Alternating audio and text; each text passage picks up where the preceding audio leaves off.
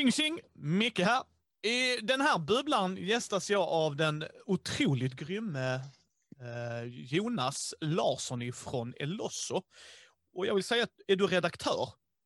Den? Ja, ja, ja, det är det som står på mitt, det är den skylten jag har på mitt skrivbord. Det är Lossoskrapan, där står det redaktör. Så är det.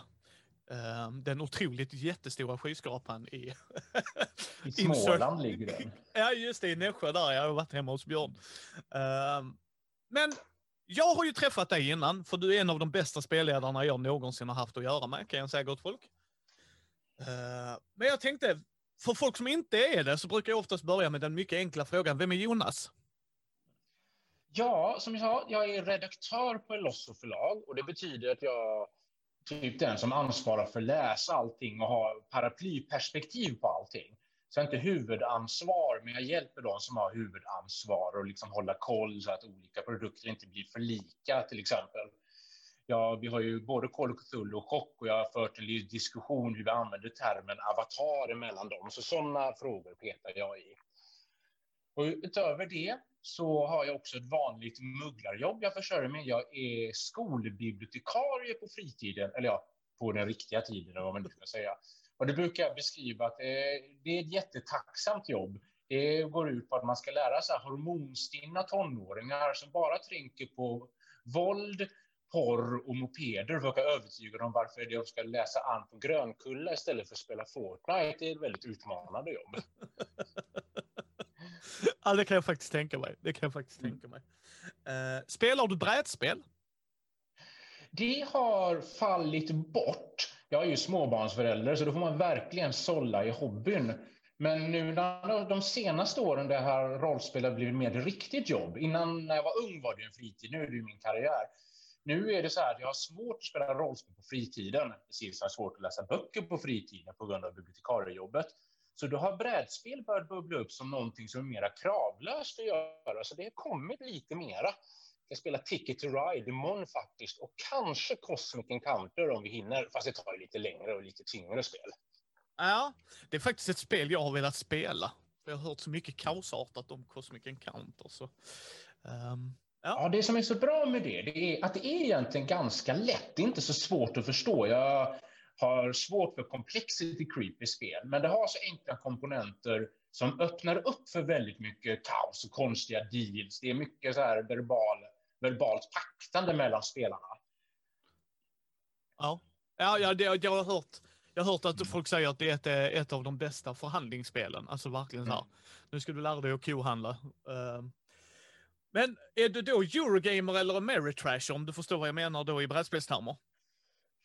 Jag är nog mera Ameritrash. Det ska vara, det ska ha, korten ska ha roliga namn.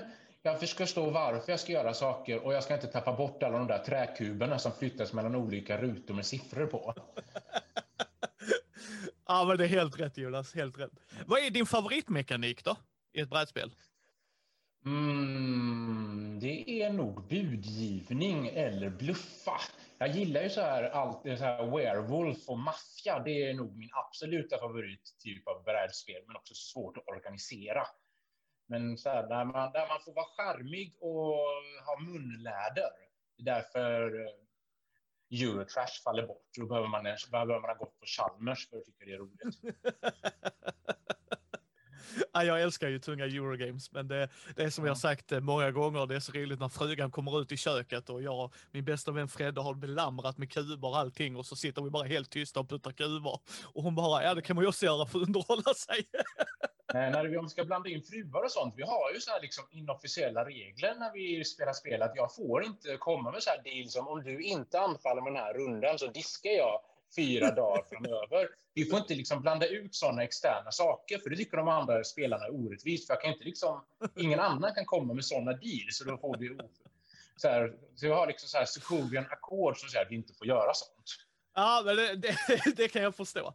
Eh, vad är din minst favoritmekanik? Liksom, vad är det sån grej som du verkligen inte, nej tack. Och han måste tänka en liten stund. Vad finns det jag verkligen inte står ut med? Mm, nej, jag spelar nog lite för lite brädspel för att kunna säga någonting. Jag är inte tillräckligt duktig i brädspel för att säga usch, den här mekaniken har jag tröttnat på. Ja, nej, nej. Jag får passa på den. Ja, ja. Ja, nej, men det, det gör inget. Mitt är ofta så här roll and move. Det är jag väldigt allergisk mot. Liksom. Vissa spel funkar Ja. jättebra, men annars bara, nej, det är en förlegad mekanik. Nej, det stämmer sig. Jag var för obildad för att komma på det, men nej. Det är saker som gör det svårt att komma tillbaka till gamla Hero Quest. Alltså, nu har jag inte kvar spelet heller, men i alla fall jag fått tag i det. Där är det mycket roll and move, så går man en steg bara. Eller två steg i två tärningar där. Ja. Jag, jag paktar med dig och säger roll and move. Eh, du spelar ju rollspel. Mm. Eh, är du rull eller rollspelare? Jag tycker ju båda är jättekul.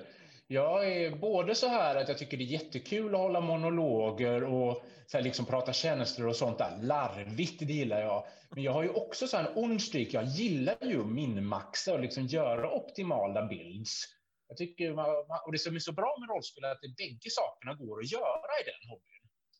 Ja, det, det, det tycker jag också. Det är faktiskt, eh, och framförallt när vi pratar traditionalistiskt rollspel, ju att det går. Mm. Alltså många grupper kan komma överens. Mm. Eh, är du hellre SL eller spelare? Den vanliga bilden är att spelledare är man för att ingen annan vill. Men vi som spelleder mycket vet ju att det är ju det bästa. För är man en spelare, då, vi säger att man är fyra spelare och en spelledare, då måste man ju sitta tyst 75 procent av tiden och vänta på andras tur. Och det har jag väldigt svårt för. Är man spelledare så har man, har man ju kul hela tiden. Man hinner ju aldrig ha, man har ju aldrig någon paus om det. Ja, alltså, jag, jag, jag älskar att spelleda med rätt människor. Alltså när de har glödet och drivet och kommer till bordet. Då älskar jag att vara spelledare. Eh, jag håller faktiskt med dig där. Man får vara aktiv och, ehm, och, och så. Liksom. Och jag, jag, jag, diggar det som fasiken. Men samtidigt så är det rätt skönt att få spela ibland bara för att andas eftersom jag planerar. Jag vet inte hur mycket du förplanerar, men jag gör det en hel del och att inte behöva göra det inför varje spelmöte är rätt skönt för mig. Jag, jag planerar jättemycket, men sen improviserar jag bort allting ändå. Så jag, det är ju sämsta av två världar. Jag planerar allting som kan. Ja. Vad är din favoritmekanik i ett rollspel då? Alltså någon gång du bara känt, fy fan vad smart det var. Jag har, för att inte vara, nu kommer jag låta jättepartisk, men jag gillar ju sånt som ger agens till spelarna, att de får välja. Och där finns det ju det man kan forcera sina slag i Call of Cthulhu.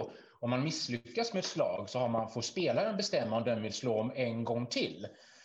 Och om den misslyckas med det slaget, då händer något katastrofalt som inte hade hänt. Och jag tycker det är så kul så här, du får bestämma. Du försökte klättra upp för den här muren, du misslyckades. Du kan forcera slaget, men om du gör det, då kommer du ramla omkull och välta de två andra som klättrade upp för muren och lyckades med sina slag. Så sådana där där man frågar, så här, forcering där man ger spelarna möjlighet att slå om men att få betala priset, det gillade jag. Ja, alltså jag tycker det också är mycket intressant.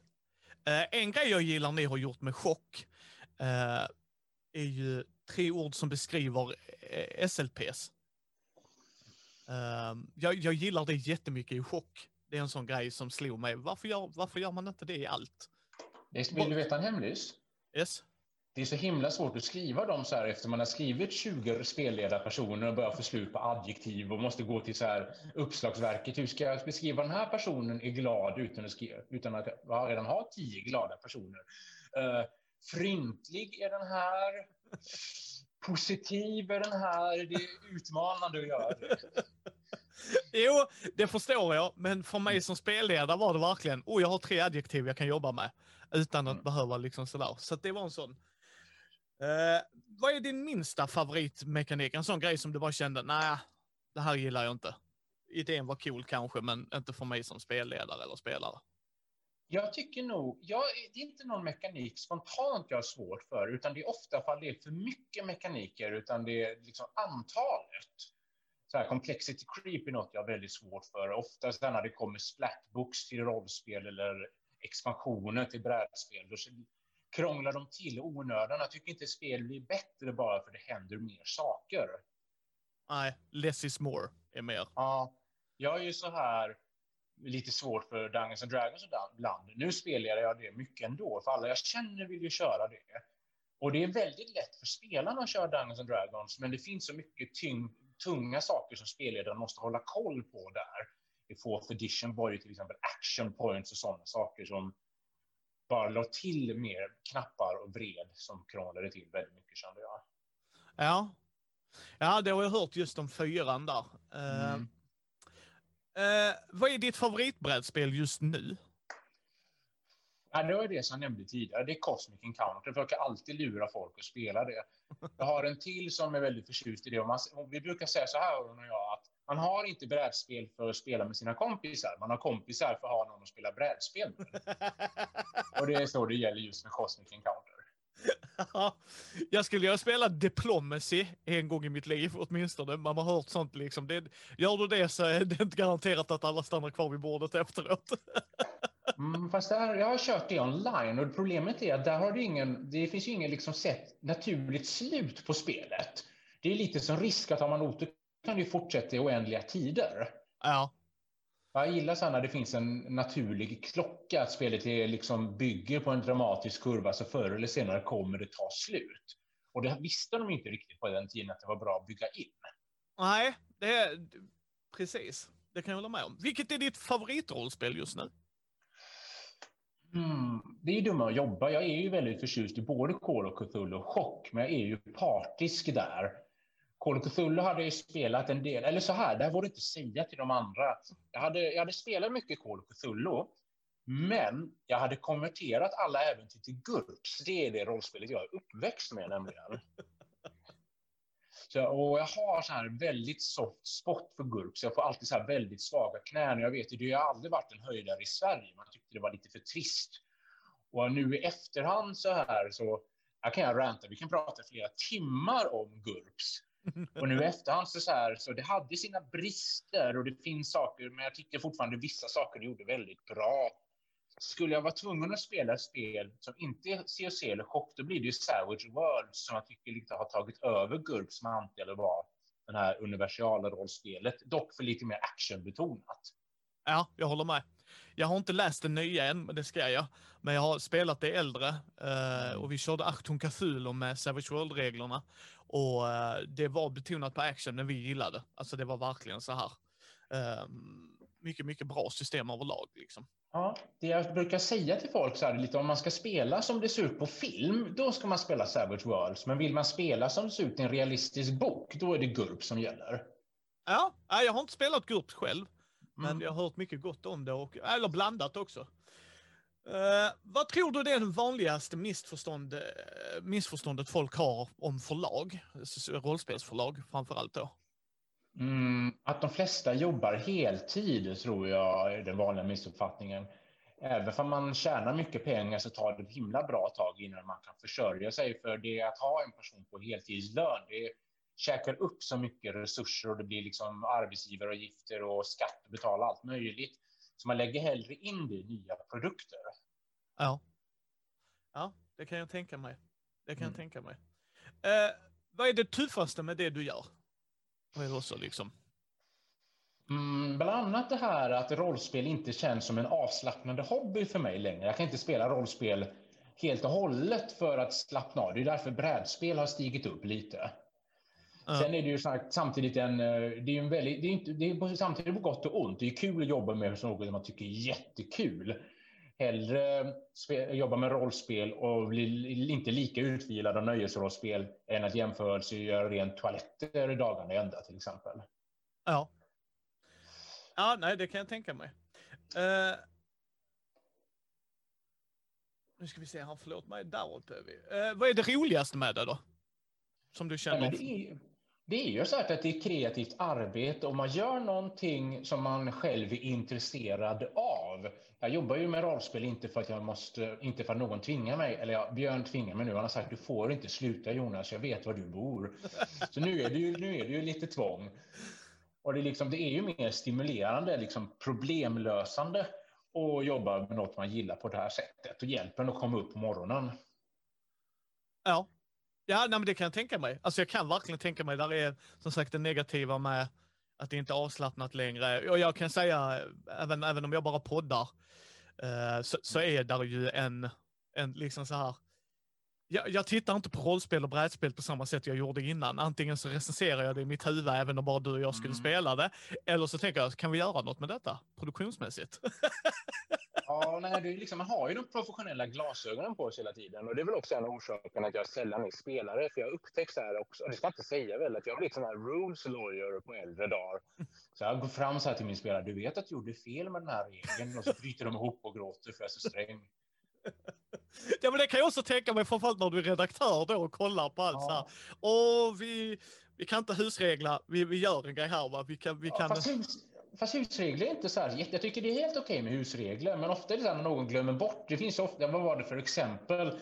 Det var när vi spelade Savage Worlds och där är det, man har ju något som heter powerpoints om man har, för, och de har ju väldigt förenklat om man har superförmåga eller magiska krafter. Då har man en pool av powerpoints som lite abstrakt används till allting och de fylls upp typ en i timmen eller någonting in game. Och så hade vi haft en jättedramatisk strid där alla fick slut på powerpoints.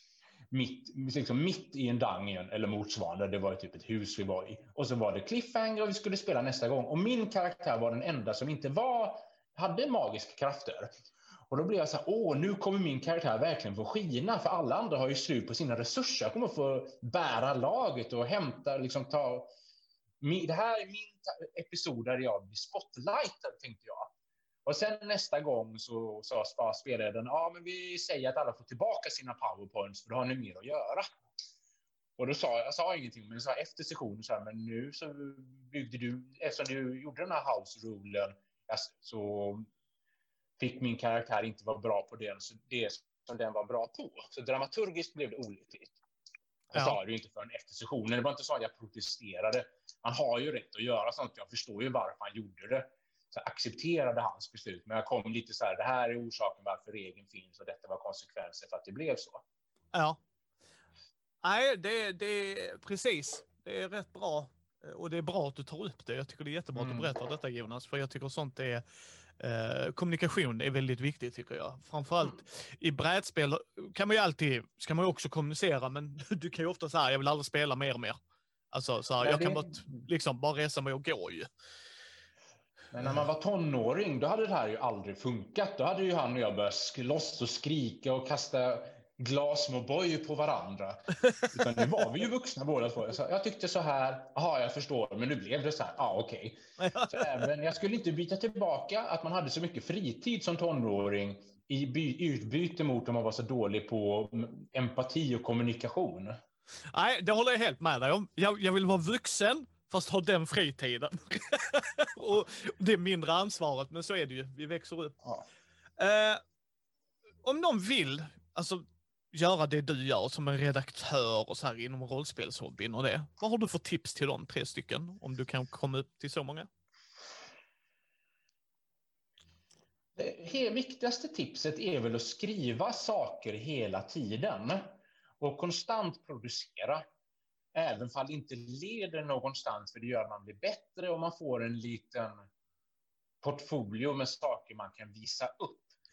För de flesta så här, alla säger att de vill bli filmstjärnor eller olympiska idrottare eller streamers på Youtube, men allting är ju jättemycket jobb. Och då prioriterar alltid folk Facebook eller Idol eller någonting. Mm. Det är det första tipset. Och det andra liksom förbereder på att även kreativa jobb är skittråkiga. Jag sitter ju med Skymningens fasor som är grovt försenad och har jättemycket ångest över det. Och det är ju liksom en plåga att sitta och skriva med det som det är så lång tid och det är så höga förväntningar och vi är efter deadline. Och jag kan inte säga så här, nej men jag har inte lust, jag gör det imorgon, utan jag måste producera ett visst antal ord varje dag, annars så kommer det ingenting bli gjort. Nej. Och sen så häng mycket på platser där du kan träffa folk och bli kompis med dem, för nästan alla kreativa branscher är så här, men det är inte som att man skickar in CVn, eller ja, illust- teck- är svartsjuk på illustratörer som bara kan lägga upp sina bra alster på Instagram och så blir de stjärnor över en natt. Men jag är 40 ord har jag skrivit ur en roman. Gör mig känd. Det funkar inte riktigt på det sättet. Nej. Alltså man, måste, man måste vara bra på att nätverka och liksom träffa folk och prata för sig. Ja. Ja, men det Så kan jag tänka mig. Så det är de tre tipsen. Producera konstant, förbered dig att det kommer vara skittråkigt jättemycket och gå fram och prata med folk. Det var ju faktiskt så jag hamnade på Elos. Jag gick ju bara fram och pratade med Björn på Gothcon. Och så var det nog att jag egentligen bara hade tur och gjorde det vid precis rätt tillfälle när de hade massa hål som behövde fyllas. Och så hade jag gjort så mycket redan från början hemma i min kammare som aldrig någon hade sett, så jag hade en ganska hög nivå. Så det var liksom, jag var rätt person på rätt plats. Ja. Ja, ibland... Ja, förlåt mig. Ibland behövs det också, tyvärr. Ja. Sen är det så också fjärde punkten, ni var väldigt ödmjuk. Jag förstår att, så att jag har rätt person på rätt plats. Det var ju tur att jag gick, kom till Björn just den dagen. Hade jag träffat honom en månad senare hade jag nog inte varit redaktör på Elosso. Nej. Så det, och det är också en liten tröst om man inte har den karriär man vill ha, att det krävs tur också. Och har man fått en karriär, då måste man så här, man får inte så här, ja, man får vara schysst och inse att man har, det varit mycket tur och man får ta vara på det och vara ödmjuk inför detta. Ja, alltså det, det, jag älskar vad du säger där. Det är det, mm. liksom hårt arbete men samtidigt förstå att ibland måste man ha eh, tur. Mm. Alltså verkligen tur. Att bara vid det tillfället behövde någon, jag kände personen eller de visste vem jag var. Alltså det är så här, Eh, de behöver kanske inte ofta känna Jonas direkt utan bara, nej men Björn har ju pratat om Jonas, de har gjort grejer ihop. Ja men det funkar ju, ska vi prata med honom? Um, så är det ju. Uh, vad är det bästa med vår hobby, tycker du?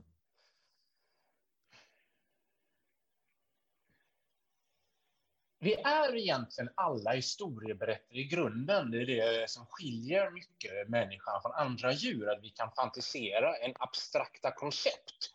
En varg kan liksom inte tänka oj, vad finns det för mystiska bytesdjur på andra sidan de där kullarna, utan en varg liksom alltid bara tänker på vad som är framför en. Medan människan kan liksom abstrakt föreställa sig saker på ett långväga sätt.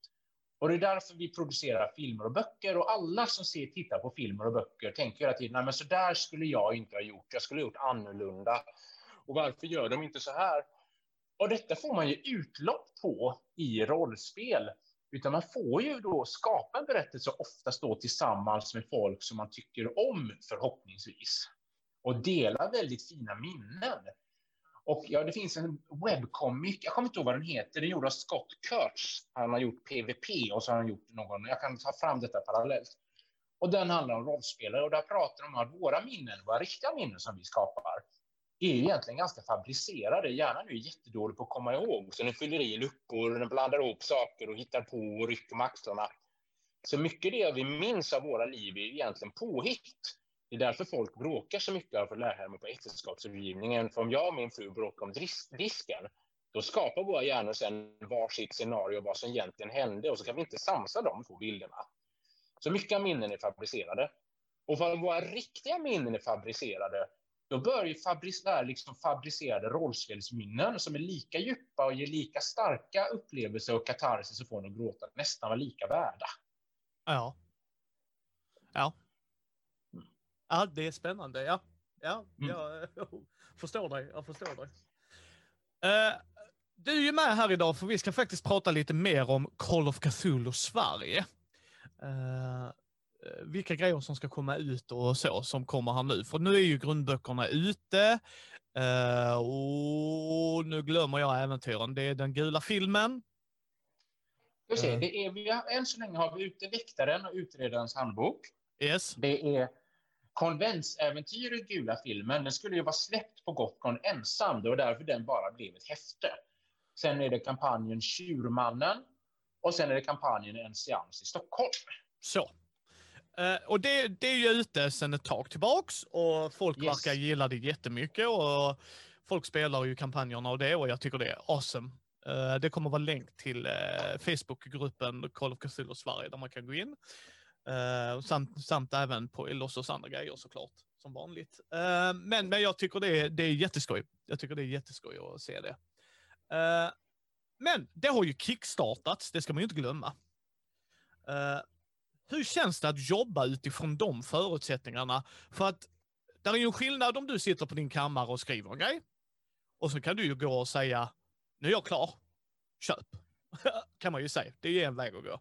Sen har man ju Kickstarter-grejen, där man kan göra mycket förarbete, alltså vissa mer eller mindre gör slutprodukten för att sen släppa den mer. Alltså sådär, det är ju folk som gör det. Eller som ni då, detta är vår vision, det här är vad vi vill göra, men för att kunna uppnå det så behöver vi er hjälp från start. Men så, hur känns det för dig som jobbar då, framförallt som redaktör då, liksom att hej, vi ska göra dessa grejerna. dessa grejerna ska ut. Detta är vad vi har lovat. Hur är det att jobba från de förutsättningarna, Jonas? Mm. För mig känns det ganska naturligt. Jag pratade med Björn om det angående vilken typ av arbete man är. Och man kan ju till exempel vara visionär. Men jag är ganska mycket en arbetshäst. Jag tycker väldigt mycket om så här, det här ska göras, det kommer ta så här mycket slit och så här mycket timmar. Ge mig det och så bockar jag av det. Så jag är, lite, jag är inte så, den punkten är inte så emotionell och djupsinnig som de andra. Men samtidigt, hur skulle jag, hur skulle jag beskriva det? Jag tror, jag har, det har varit så mycket så jag har nog inte riktigt hunnit känna, hunnit känna efter egentligen. Nej, nej, nej, för all, för all del. Eh, mm. Jag, jag har ju aldrig gjort en Kickstarter, så jag kan ju inte, alltså, eh, eller släppt en produkt utanför Kickstarter, så jag har liksom ingen relation till det överhuvudtaget. Eh. En sak som är väldigt skön är att man vet att det finns ett intresse. Det tror jag är därför så många tar Kickstarter, även om produkten nästan är klar. För även om man har gjort hela produkten så är till exempel tryck och liksom sista sättningen fortfarande extremt dyrt. Och om man gör en Kickstarter och märker intresse faktiskt inte räckte till, då får man liksom så här en saving through och tänka, tänka om, nej, det här projektet kommer inte hålla. Om vi inte ens kan få en Kickstarter att fungera, hur skulle vi kunna sälja det i butik? Ja. ja det, är ju... det, det är skönt att veta att det är faktiskt folk som längtar och väntar. Alltså, när, jag sa, när jag sliter med skymningens faser, att veta att det är faktiskt folk som kommer att läsa det. För ibland så sliter man, tänk att slita onödan i ett helt år och så tänker jag, nej, men det är ingen som kommer köpa detta. Jag kommer trycka 5000 ex och så kommer de bara stå på SE-bokhandeln och sen täcka upp deras vattenläckor sen i augusti. ja, så kommer jag också tänka Jonas. Mm. Men eh, den svarta sviten är ju på väg nu. Eh, mm. Vad kan man förvänta sig på för äventyr där? Jag tänker vi ska inte spoila för mycket. Liksom. Men vad, vad, är, vad är sales pitchen där så att säga? Liksom, hisspitchen, vad är det på det? Äventyr som är lätta att plocka upp när man inte orkar en hel kampanj. För alla säger ju att de vill spela Mask of Nyarlathotep eller Horror of the Orient Express. Men det tar ju typ hundra sessioner att ta sig igenom dem. Ja, och vi är alla vuxna och är man då mm. en grupp med mer än en annan spelare så inser man, jaha, hur ska vi få ihop detta? ja, liksom när man är i den här åldern och så här, liksom, ja, men vi kan spela den här kampanjen i sex år. Folk kommer hinna avlida och flytta till USA och skaffa barn och allt möjligt. När jag har en så här långväga kampanj, vi spelar flera år, och så precis när en stor del av gruppen, nu är våra barn stora, nu behöver vi inte ha barnvakt igen. Det gick två andra, men nu har vi fått barn precis. Vi syns om två år. Yes. Och så drog den kampanjen. Yes, ja, nej, men så det förstår jag. Så det är korta äh, äventyr, kaninöron då? Ja, det är två av de här äventyren är, är tänkta som konventsäventyr, så de går att, om man drar åt svångremmen, köra på en kväll. Mm. Om man inte är tvungen så kan man ju gotta sig och kanske köra på två, tre kvällar. Men det är tanken när de skrevs. Och sen är det en längre som jag hade kört en kanske fem sessioner eller någonting. Fortfarande kort mätt jämfört med de hundra, så att ja. ja. Eh, och allting utspelar sig 20-talet, antar jag? Ja, allt, vi satsade allt på Call of Cthulhu och det svenska 20-talet. Vi har varken resurser eller målgrupp eller kundbas för liksom ha en olika tidslinje där. Än så länge i alla fall. Ja. Uh, vem har gjort den uh, samlingsboken? Alltså vilka är med och har författat dessa äventyren? Det är tre äventyr. Det första heter Svart som sot och det är ju baserat på ett amerikanskt äventyr. Jag vet, det är Björn Flintberg som har uppdaterat det. Jag ska bara se, jag får faktiskt tjuvkolla. Det är två amerikanska författare. Jag tar fram dem en liten stund. Men Svart som sot är en anpassning av ett amerikanskt äventyr som blivit försvenskat. Och då har ju Björn satt i sina hemtrakter i Småland, så den kyrkan han blev, råkade ut för en exorcism när han var barn eller någonting, det är där det utspelar sig. Ah. ah det är det ena. Sen har, Sen det är det ena korta äventyret. Sen är det Bjurlidsdjupet som utspelar sig uppe i Skellefteå vid de gruvorna där. Och det är det jag som har skrivit och det är skrivet från scratch. Så det är inte någon som är anpassat. Det är inte anpassat av något amerikanskt material. Okej. Och sen är det det lite längre Obygdens tempel som är skriven av Petter Nallo som är känd från Oh. Kult. Åh! Fy fan vad spännande. Och där är det lite, utan att spoila för mycket, så de två andra äventyren, jag och Björn, jag tror att orsaken jag fick jobbet, jag har småländskt påbrå, jag är halvsmålänning. Så han såg det så här, här är en person som inte tiar mera, han tar vi. Medan så vi är, vi är ju ganska, vi är mysfarbröder, så jag är bibliotekarie som går med tofflor inomhus och allting. Men Petter Nallo är så här rock'n'roll, så det är lite mer body horror i det där äventyret. Och det tycker jag ändå är rätt kul att man ska kunna läsa Peter Nallos äventyr utan att se att det är hans namn direkt. Och så bara vänta lite, det här känns inte som mys, mysfarbrorn Jonas och Björn liksom. Nej, det är gjort av Petter, okej. Mm. Eh, hur har det arbetet sett ut då? Liksom, hur, hur väljer man ut tre? Hur liksom, är tankarna där? Det är så här faktiskt att när man ska ha, när Björn, jag planerade inte Kickstarter, utan jag fick ärva den från Björn, utan han höll i den. Och då ska man gärna ha stretch goals. Och då var det så att han gick runt med mössan i hand och frågade olika, kan du skriva ett äventyr? Kan du skriva ett äventyr? Han gick till Petter Nallo, kan du skriva ett äventyr? Ja, men jag har en cool idé, det är mycket blod och slafs. Och så slängde han med sitt långa hår så här. Han har ju så här coolt hår. Och så talade han med Kausium och så sa de, men det här äventyret får du gärna omarbeta. Och så fick han det. Och så var det, och så var det ett äventyr till som vi skulle spela på Norrsken. Som spelar är ju där uppe där Bjulidsguldet utspelar sig. Så sa de, vi fixar ett äventyr anpassat för er. Och så satt jag sen som redaktör och såg vi hade de här tre äventyren och såg, ja men det är ju lite samma tema på dem. Istället för att trycka tre häften slår vi ihop dem. Och kallar den svarta sviten. Ja, ja men det ja, det är spännande att höra. Jag, gillar Mm. sånt, ah, hur ser arbetet ut bakom liksom? För jag antar att där är illustrationer eller? För jag har inte Ja. sett den här produkten än. Eh, det kommer för att jag kickstartar ju på en högre nivå, så I'm gonna get everything. Eh, Mm. men hur, illustrationer och layout.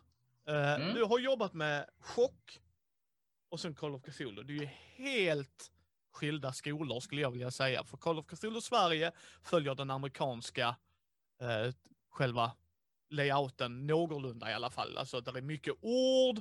Alltså folk blir ju väldigt förvånade när de läser. Jävlar vad mycket amerikanska böcker trycker in ord. Uh, ja, Chaosium tycker jag gör det på ett bättre för att de ordbajsar inte utan det är bara mycket ord, mycket text, var beredd på det. Men där är en anledning bakom det. Kontra chock.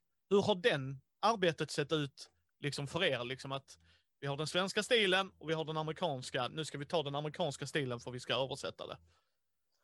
Det var ju så här, det här har varit krångligt för vi, när vi fick chock, och det här är lite innan min tid, så jag, jag, jag berättar så gott det går. Chock var ju tänkt att vara Elossos stora skräckrollspel, våran käpphäst var det tänkt.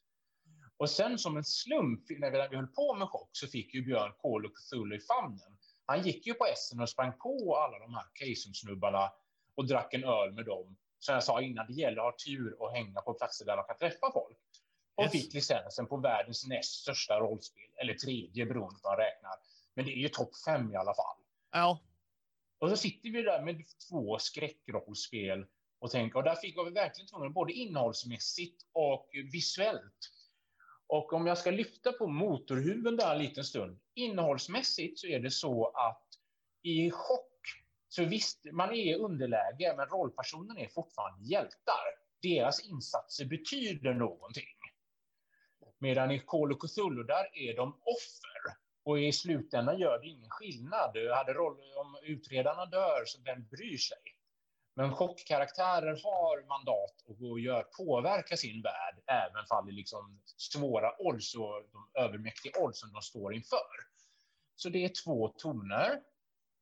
Och vad är det mer? Vi brukar också inofficiellt säga att chock är ett filmiskt rollspel medan Eloss är ett litterärt rollspel. Så du ska vara lite mera svängigt, lite mer action. Man kan ta ut svängarna mer i chock.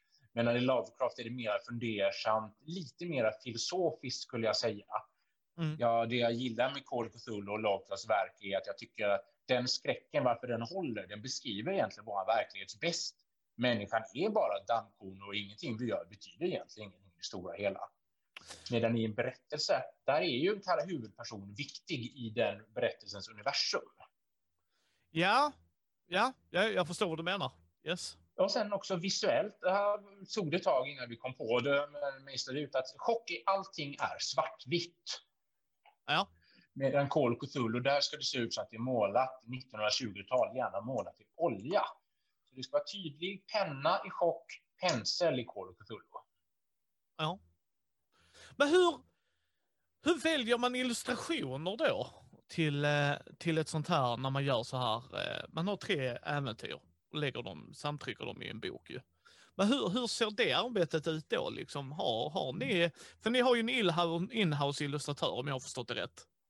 Ja, Ola Larsson är inhouse, men han gör ju bara framsidor. Ja, det är han som gör omslagen. För det är också en, hur kommer det här omslaget se ut, till exempel? Eller ja, så här. Eh, jag kan svara först på hur det ser ut med arbete med illustrationer och sen pratar jag om omslagen. Ehm, det är egentligen jag fel person. Vi har faktiskt en visuell producent, vilket är väldigt fint. Vi har ju Niklas Estberg och han har huvudansvar, för jag har för mycket att göra. Så det är egentligen han som beställer bilder. Så han läser äventyren och avlastar mig på det. Och det är han som sköter all kommunikation med konstnärerna.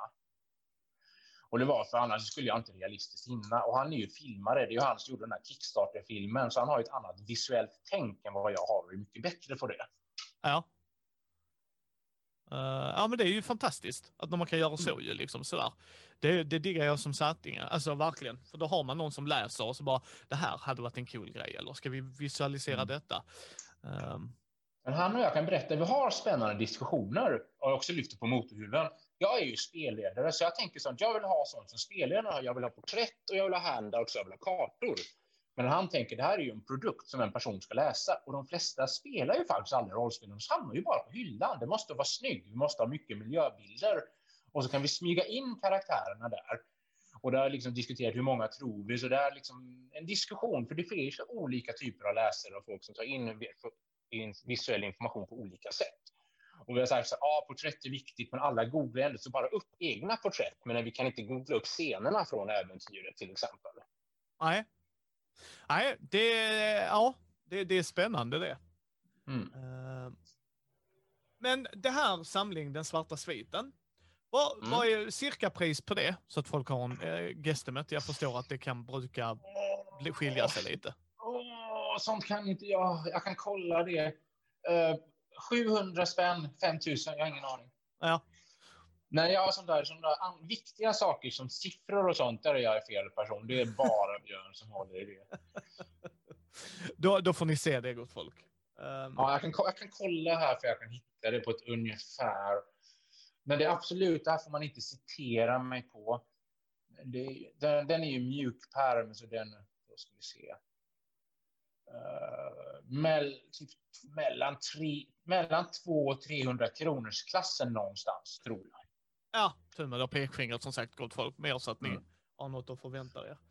Uh, sen har vi ju spelledarskärmen.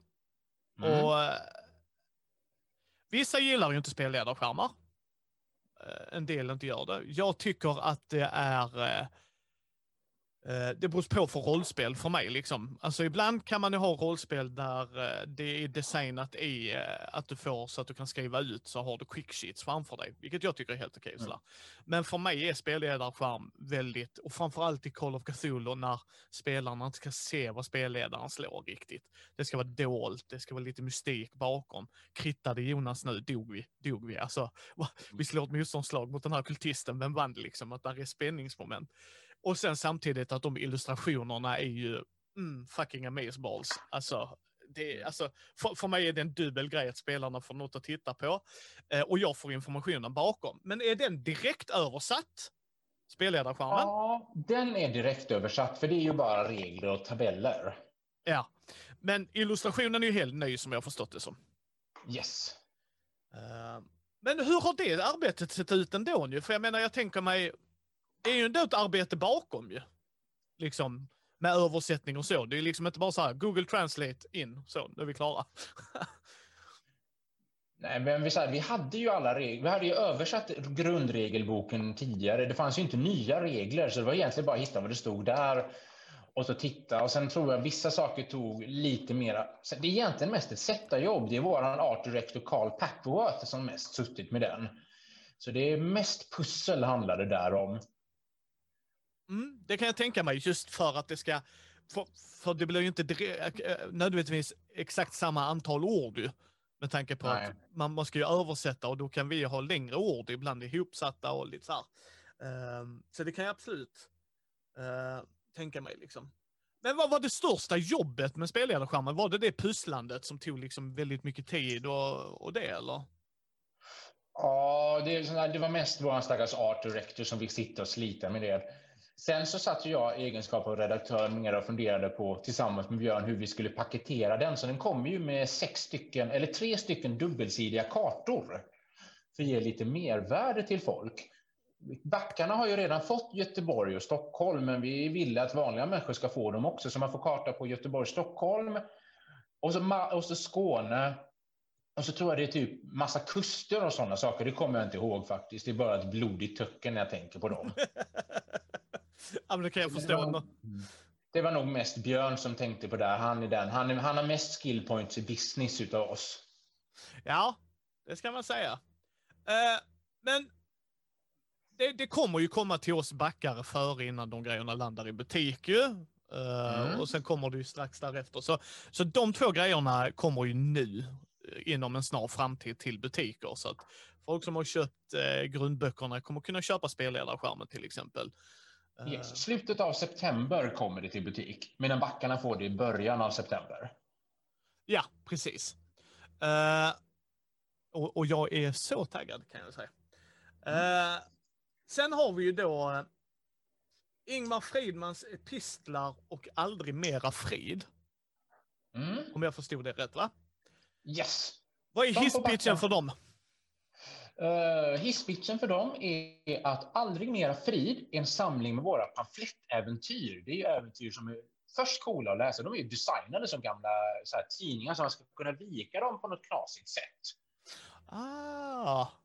Och anledningen varför de är så bra, det är så här, det är om man skriver ett riktigt rollspelsäventyr på hundra sidor och planerar Egentligen gör man ju det onödan, för de flesta spelare och spelledare måste improvisera en massa ändå. Det går inte att skriva ett perfekt äventyr som täcker upp allting.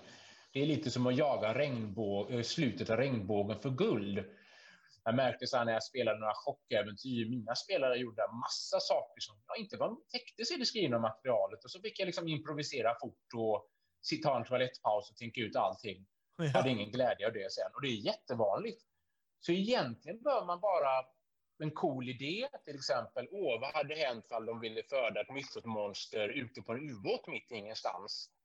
Sen behöver man egentligen, det som är, så, det som är svårt sen som spelledare, det är ju liksom vad alla platser heter, vad alla karaktärer heter och vad de tycker om varandra. Liksom där, man behöver egentligen bara skelettet, för oavsett vilket kött man sätter på ett äventyr blir det ofta fel kött. Och det är vad de här pamflettäventyren aldrig mera fri är. Det är de här blueprints och språngbräda. Det är egentligen bara det du behöver så kan du tuta och köra. Mm. Alla andra äventyr är egentligen bara onödiga läxor. Vi drömmer ju att våra, när vi, jag spelar tjurmannen, det ska vara likadant som ditt, men det blir ju aldrig. Nej, det blir ju inte det. Du, du sätter ju fingret på det. Det blir ju aldrig. Det spelar ingen roll. Alltså även Mask of som jag inte kan uttala riktigt. Mm. Uh, det är ju samma grej där att även, även om de försöker strukturera ut mycket i detalj så kommer det fortfarande vara en skillnad mellan alla spelgrupper. Så är det bara. Ja. Eh, jag spelade till exempel en seans i Stockholm med min privata grupp. Den här kampanjen som Gabriel de Bourg skrev. Och en karaktär har i tidigare äventyr lärt sig spellen Contact Goal eller Kontakta likätare som det heter på svenska. De här från Robert Pickmans modell och har kastat den flera gånger för att få hjälp. Och liksom så Goals har en jättestor del i kampanjen nu och de hittar luffarmärken som de har skrivit på dörrar och de ska hjälpa Goldsen ska hjälpa dem in i Dreamland för att få ledtrådar. och Det stod ingenting om det i kampanjen. Så om, om mina spelare någonsin läser en seans i Stockholm, så säger men vad är det här för skit? Var är alla likätarna någonstans? Nej, det är typ 40 procent av kampanjen handlar om de där jäkla likätarna nu. Ja, lite som när man hör föräldrar som har läst sagor för barn och bara improviserat satan ur böckerna. Ja, Och så kommer de och tittar när de är vuxna och bara Vad fan är den karaktären? Det har jag aldrig, va? mm. Nej, Nej så är det ju. Eh, men aldrig mera fri då? Nej, det är den som är aldrig mera fri. Det är Förlåt. Ja, och, det syftar ju på den här, och det syftar ju på aldrig mera krig, som man sa efter första världskriget, men det gick ju som det gick. Ja. Så det är Eh. den, att där får man jättemånga coola idéer med alla de tråkiga detaljer som namn och platser och så är det bara att kötta på sen. Ja. Ja, men det, det är ju fett jävla nice alltså. Eh, Sen är det ju Ingmar Fredmans epistlar och de baserar sig på Anders Fagers verk, han som känd för svenska kulter, som nu ska komma ut på engelska också nästa år, om jag förstår honom rätt. ja. Och Anders Fager har ju lyckats med någonting som är väldigt ovanligt. Han skriver ju Lovecraft fanfiction, fast bra, för de flesta icke-Lovecraft-författarna håller ju ofta väldigt låg nivå, tyvärr. August Derleth och de är ju egentligen inte jättebra, de är ganska trista. Och, och även och även om de skriver bra, då är det ofta bara derivat av Lovecraft. De skriver som Lovecraft fast likadant. Och då är det så här, men då är det ingen idé att läsa detta. Vi har redan. Lovecraft skrev ju så mycket. Hade han varit en kille som skrev sju noveller så hade det kanske varit intressant. Man skrev ju, man kan läsa Lovecraft hela, hela livet och aldrig få tråkigt. Så Anders Fager har ju lyckats med någonting och skriva någonting som är bra och också liksom har en unik prägel. Man ser och känner ju verkligen skillnad på Fager och Lovecrafts verk. Och det som, men dock är det ju så att Ingmar, Ingmar Fager, Anders Fagers verk utspelar sig ju i den svenska nutiden. Han är så kontemporär. Det är en av de coola saker han har gjort. Att det, liksom, det var någon intervju när han pratade om det här, an, det här tidigare svenska kulturrollspelet, att i, i Lovecraft då är man så akademiker som ska gå till en övergivet träsk och kolla.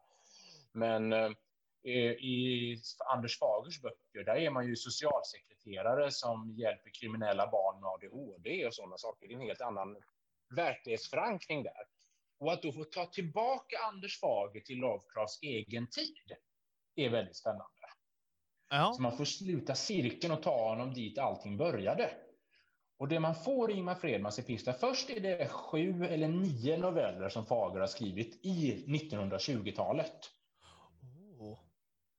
Han har ju skrivit lite som Han har ju skrivit typ en novell innan som utspelar sig en del i 1920-talet. Holger Bertholds krig heter det, så finns det någon till utöver det. Plus två äventyr som tar avstamp i Fagerska 1920-talet. Ja. Och där är det samarbete. Det är jag, Björn och Anders Fager som har skrivit det tillsammans, de två äventyren. Och det ja, så två äventyr och en hel drös 20-talsnoveller som som en perfekt mix av Lovecraft och Anders Fager. Ja, det, det ser vi fram emot, verkligen. För det är också så här, mm. lite en annan twist på det och det gillar jag. Att det blir inte mycket av samma. Uh, sen har vi ju singeläventyret som kommer mycket senare, men det kommer ju. Uh, nattläger. Ja. Precis. Ni backare får det nu, men vi kommer ha det till Gothcon sen. Det är vårt kommande Gothcon-äventyr, så det är därför det är ett singeläventyr. Jag funderade på att knö in det i Svarta sviten, men det passade inte riktigt temat och vi ville ha ett Gothcon-äventyr och de är bra att ha som egna grejer och så är det skönt att sprida ut saken också. Ja, uh, det, det, det, är det ju verkligen. Det är det verkligen. Ja. Men om det, bara så jag inte förstod, för att de har ju ett eh, äventyr, det har ju Cthulhu ett par stycken vet jag. Även i starterboxen kommer det igen och vi, jag tänkte vi skulle nämna det lite snabbt sen här också. Äh, är det ett singeläventyr att det är bara jag som spelar eller är det bara ett äventyr för sig själv? Jaha, nej, det, um, jag brukar ju säga soloäventyr när man spelar själv. Det är ett, singel, det är ett konventsäventyr, man kan spela det på en kväll. Så, bara så att folk mm. inte äh, missförstår sig där liksom. För att det är ju soloäventyr till Call of Cthulhu bland annat ju. Ja. Uh, men Alltså den ser jag fram emot jättemycket. För, för att jag gillar det med Call of Cthulhu överlag, att du kan ha en grupp utredare. Uh, sen dör de oftast, ibland inte, men ibland. Uh, men att man kan köra lite så här pick me up-äventyr, liksom sådana här som, som du sa, singeläventyr och eh, of ju. Uh, Cthulhu passar nästan bättre för det, för som sagt, jag har ju kört Mask of Nyarlathotep, men vi kom aldrig, vi lämnade aldrig USA där och det är så himla många ställen. Vad gör man om alla, dör, alla eh, NPC, alla spelare dör mitt ute i Kenya och blir uppätna av en svings eller någonting utan face? Ja, och det är ju samma där. Eh, förlåt, i horror. För vi började köra den och den dog också.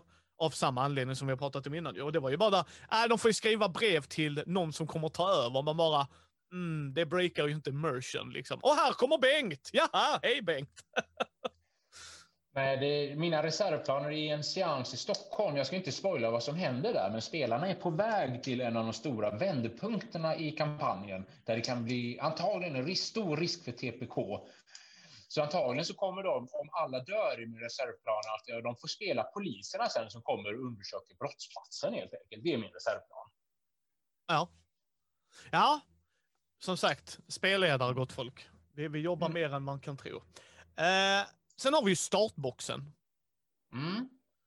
Eh, den kommer ju långt senare även för oss backare. Ja. Uh, och det förstår jag varför. Uh, jag har pratat mm. en del med Björn och uh, fått lite så insikt i vad faktiskt grejer, vad, vad, vad, grejer kan ta tid och så. Men bara vi går igenom lite snabbt så folk har en förväntning på det. Liksom, vad kommer ingå i den? Ska vi se.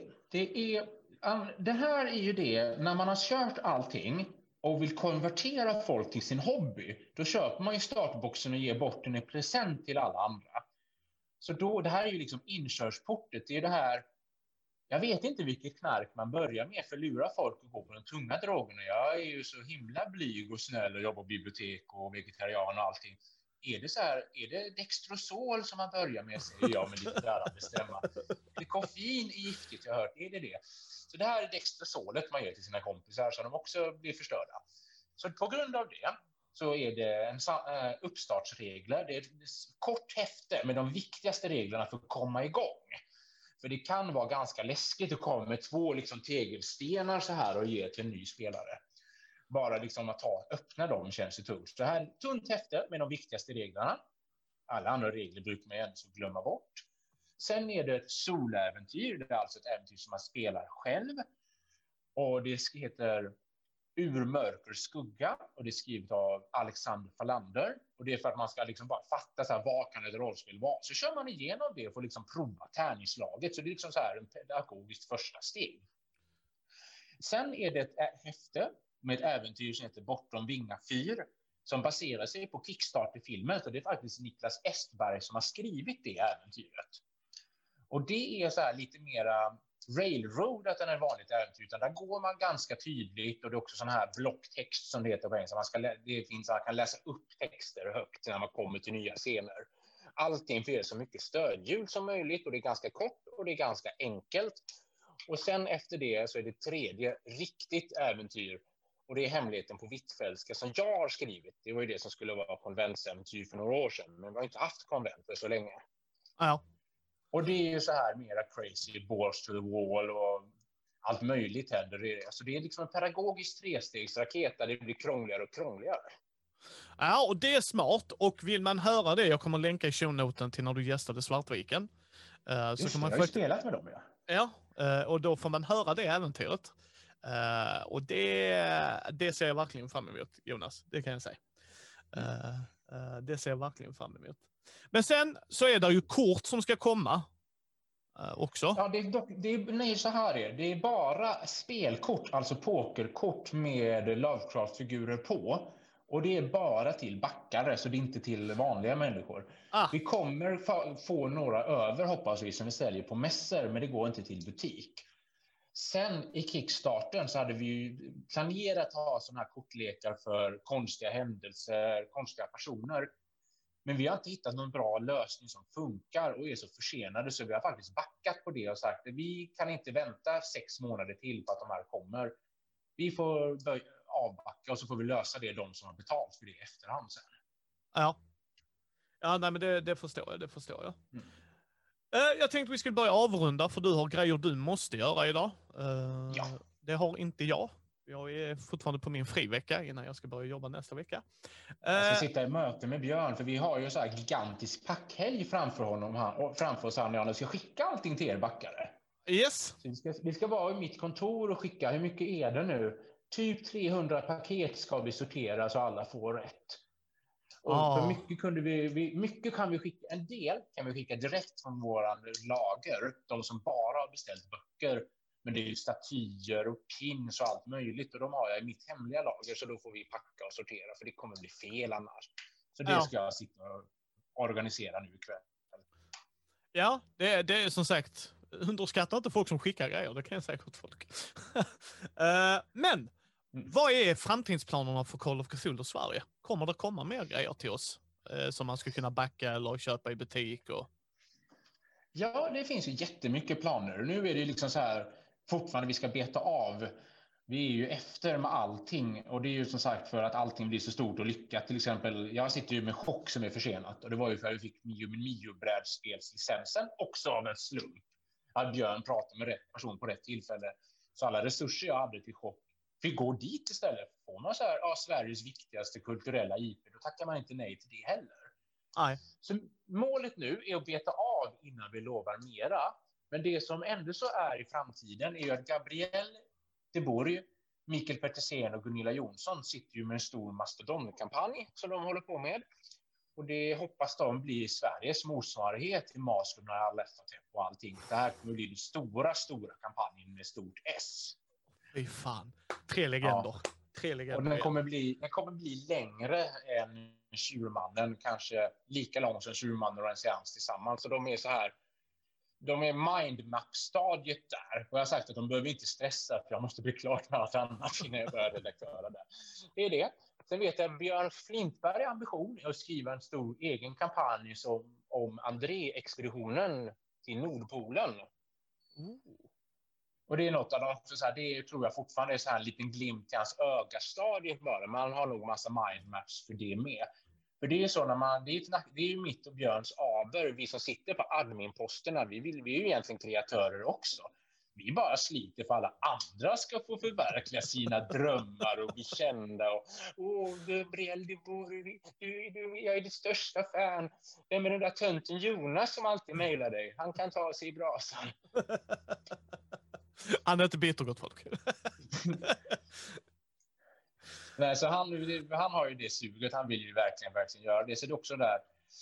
Men som sagt, så det är egentligen bara det. Vi måste skrapa av tallriken innan vi lovar mera. Men de två sakerna har redan börjat rulla, för det är så himla lång förberedelsetid på allting sådant. Kommer de komma som kickstarters då, eller är det sånt som ni kommer...